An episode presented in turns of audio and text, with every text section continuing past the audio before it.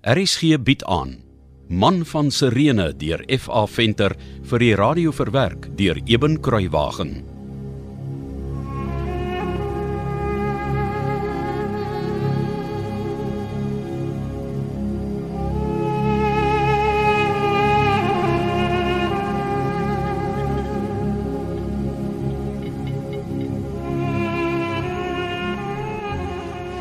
Vader is daaraan skuldig bevind dat hy die opstand gelei het, maar van die boere het hom help ontsnap en soos jy weet, Rome vergeet nie. presies.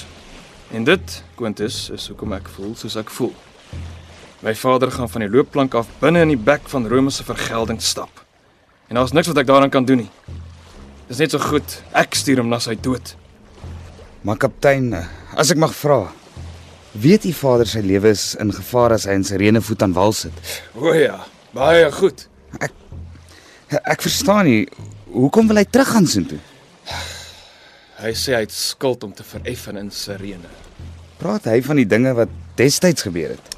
Ja, Verstaan ek reg? Hy gaan terug na Sirene sodat hy ter dood veroordeel kan word. op 'n manier ja. Dis 'n klein bietjie meer gekompliseerd as dit. Kaptein, My my vader is Hoe moet ek dit stel? sê dit maar soos dit is, kaptein. U weet mos dit bly tussen ons. Ja, dankie Quintus. My vader is 'n Christen. En hy wil nou opsluit terug na Sirene om oor die dood van my moeder en my broer te kom. Nou onlangs in Nero se arena. Ek jammer om dit te hoor, kaptein. Ek het nie geweet nie. Ja, toe maar. Ek het dit ook maar eers later by my vader gehoor. Maar ek verstaan nie. As hy nie teruggaan na Sirene met die uitsluitlike doel om ter dood veroordeel te word nie. Wat dryf die vader dan terug na Sirene? Hy wil die leer van Christus daar gaan verkondig. Sy woorde. Kyk kaptein, ek verstaan nie hoekom duisende mense bereid is om hulle lewens op te offer vir hierdie Christus nie. Ja, moenie alleen voel nie. Ek kan dit self ook nie verstaan nie. Maar as ek vandag vir kaptein kan raad gee. Asseblief. Ek sal rasend van bekommernis oor my vader. Hy's uh U vader lyk vir my meer as net oud. Wat bedoel jy? Ek dink eerlikheid hy het genoeg gehad. Kaptein weet. Hy dra 'n skuldgevoel oor wat hy as jong man in Sirene gedoen het. En hy glo dit sal vir hom berusting bring om hierdie God is die Christus se God of is hy sommer net 'n held vir party mense? Ja, ek self nie seker wat hy veronderstel is om te wees nie. Maar my grysse ou vader sweer die Christus is die verlosser van die wêreld. en nou moet almal glo die belangrike boodskap hoor. wat ook al. Maar u wil seker hê u vader moet sy einde op aarde met vredesharte gemoed gaan of hoe? Natuurlik. Wat probeer jy vir my sê? Kaptein, hoe swaar dit ook al vir u mag wees. My gevoel is laat die Vader toe om rus vir sy gemoed te kry. Niks wat u sê sal hom laat afsien daarvan nie. Nee, Laat hom na Sirene gaan. Laat hom toe om die leer van sy Christus aan die mense van Sirene te gaan verkondig. Al kos dit hom sy dood.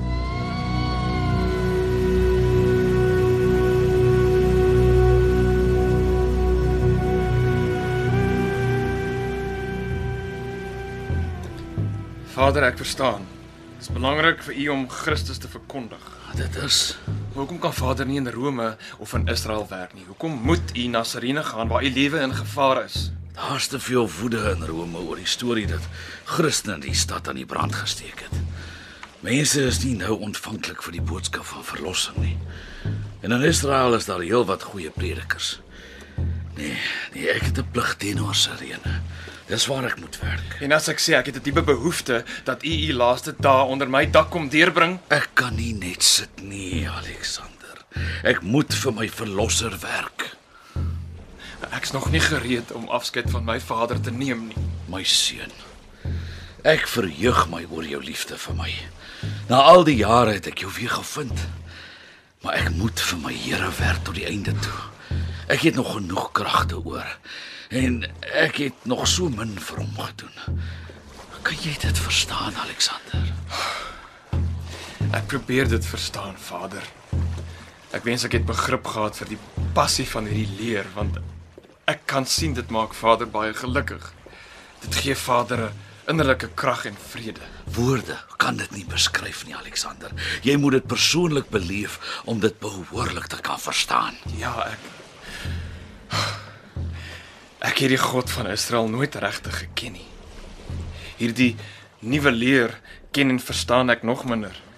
Ek ken net Rome en die wee van Rome. Die leer van Christus is vir almal, ook vir jou. Ek het nog nie juis met jou gepraat hieroor nie, maar vannag is dalk ons laaste kans. Voor ek gaan, sal ek daarom wil weet my oudste seun is nie heeltemal sonder die lig van die verlosser nie. Wel Vader, ons, ons het min tyd. Dis byna dagbreek. Ja, voor ek jou meer van Christus vertel, wil ek net eers sê wat ek met my eie oë gesien het. Hy vir mense gedoen het. Nou is hy nog vir jou 'n vreemdeling soos hy vir my ook was. Ek het teen hom gestry. Ek het hom gehaat en saam met duisende Jode gevra dat hy gekruisig word en nie Barabbas die rower en moordenaar nie. Hoekom het U Christus so gehaat? Want ek het geglo hy het jou moeder en Rufus laat afdwaal van die ware leer. Ek het altyd gesweer, ek en my huis, ons sal die Here dien. Ons sal die wet van die Almagtige onderhou. Ons offers getrou in die tempel bring en die tradisies van die volk van Israel eerbiedig. Ek het geglo my huis sal weer heel wees as hy net hierdie Nasarener uit die pad kon kry. Daarom wou ek so graag hê hy moes sterf. Ek sien.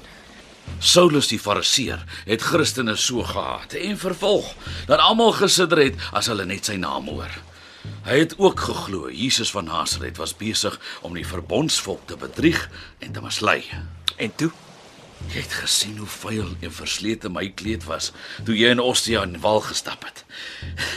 jy het my glad vir 'n bedelaar aangesien. Ja, ek het my al so geskaam daaroor. Ja, dis vergeet Alexander. Maar toe gee jy vir my hierdie pragtige nuwe wit kleed wat ek nou aan het.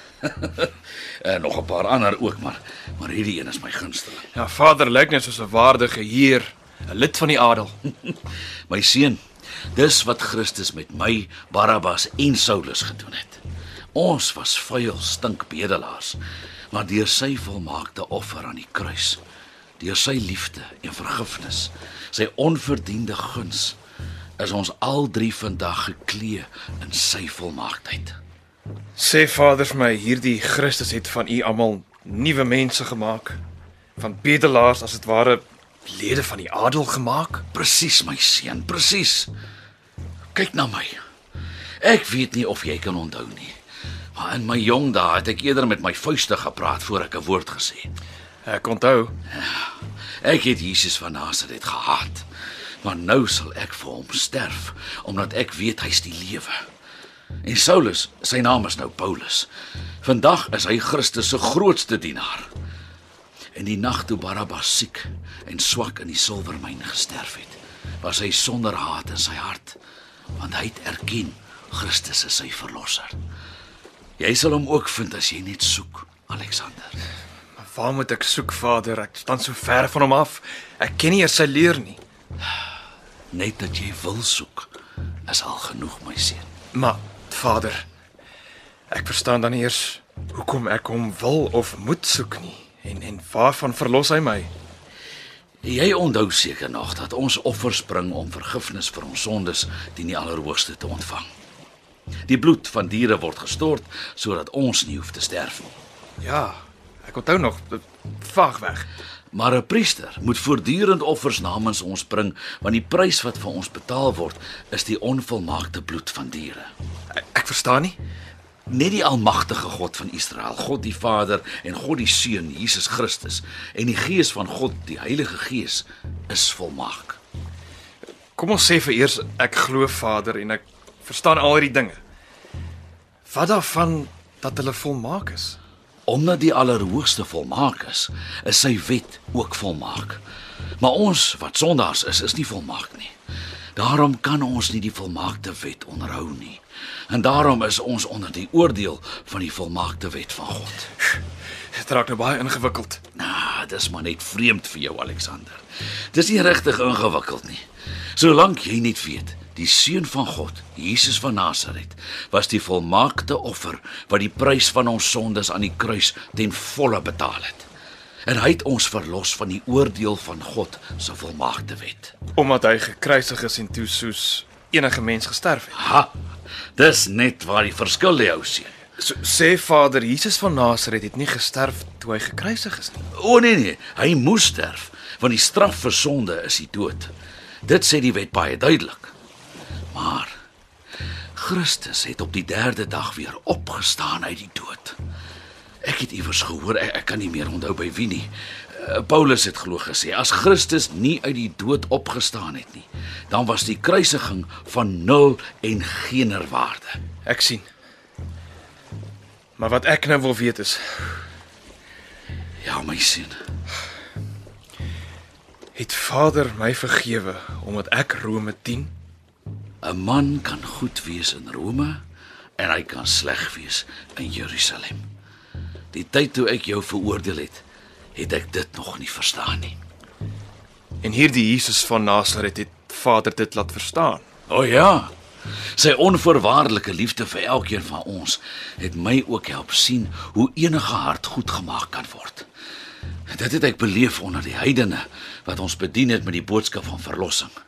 Hulle het nuwe mense geword. Nes ek en Barabbas en Saulus. En Vader glo ek kan ook 'n nuwe mens word. My liefste Alexander, as jy kan glo in Jesus se verlossing, sal jy 'n groot man in Rome word. Wat vir my in Sirene die einde is, kan vir jou in Rome die begin wees. My hart is oop. Ek sal Vader se Jesus van Nasaret soek, want ek glo hy's goed. Hy moet goed wees om Vader so te kan begeester. Om Vader sonder vrees na Sirene te laat teruggaan om sy leer te gaan verkondig. En nou Vader, Loof die Here, die God van Israel, dat hy dit so beskik het dat my oudste seun aan my die groot vreugde gee. ai Vader, Alexander. Alexander, jy moet Paulus die groot dienaar van Christus gaan opsoek. Hy sal vir jou die pad kan aanwys. Want hy het soveel liefde en wysheid van ons verlosser ontvang om te kan uitdeel. ek beloof Vader, ek sal. Jy maak my baie bly. Want nou weet ek jou hart is reg. Ek weet jy wil 'n nuwe mens in Christus word. Onthou hierdie woorde van Christus. Soek en jy sal vind. Klop en die deur sal vir jou oopgemaak word. Ek beloof, ek sal dit onthou. Maar ek dink Vader moet nou vir Oulaas 'n bietjie rus kry voor ons in Sirene aankom. Vader het die hele nag nog glad nie geslaap nie.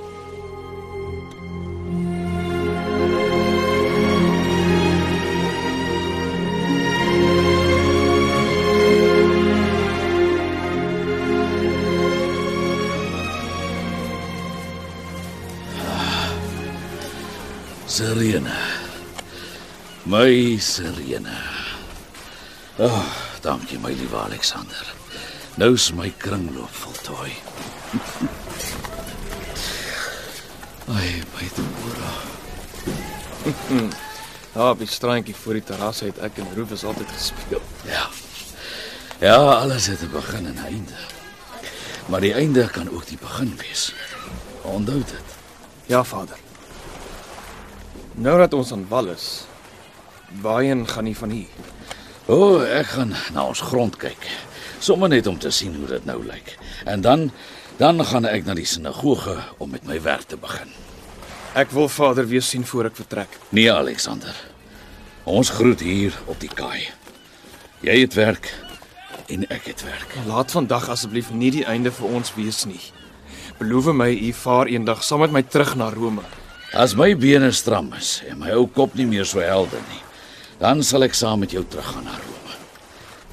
Ek moet nou gaan, my liewe seun. Ek sou vir jou bid vir leiding en vir wysheid.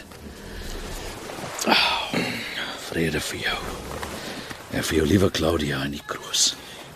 Vrede vir u my Vader. En hou goeie moed. Ek sal my hart oophou.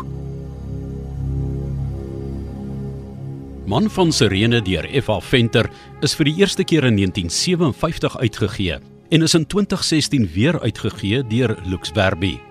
Die produksie is tegnies hanteer deur Cassie Lauis en die verhaal word vir RSG verwerk deur Eben Kruiwagen onder spelleiding van Joni Combrink.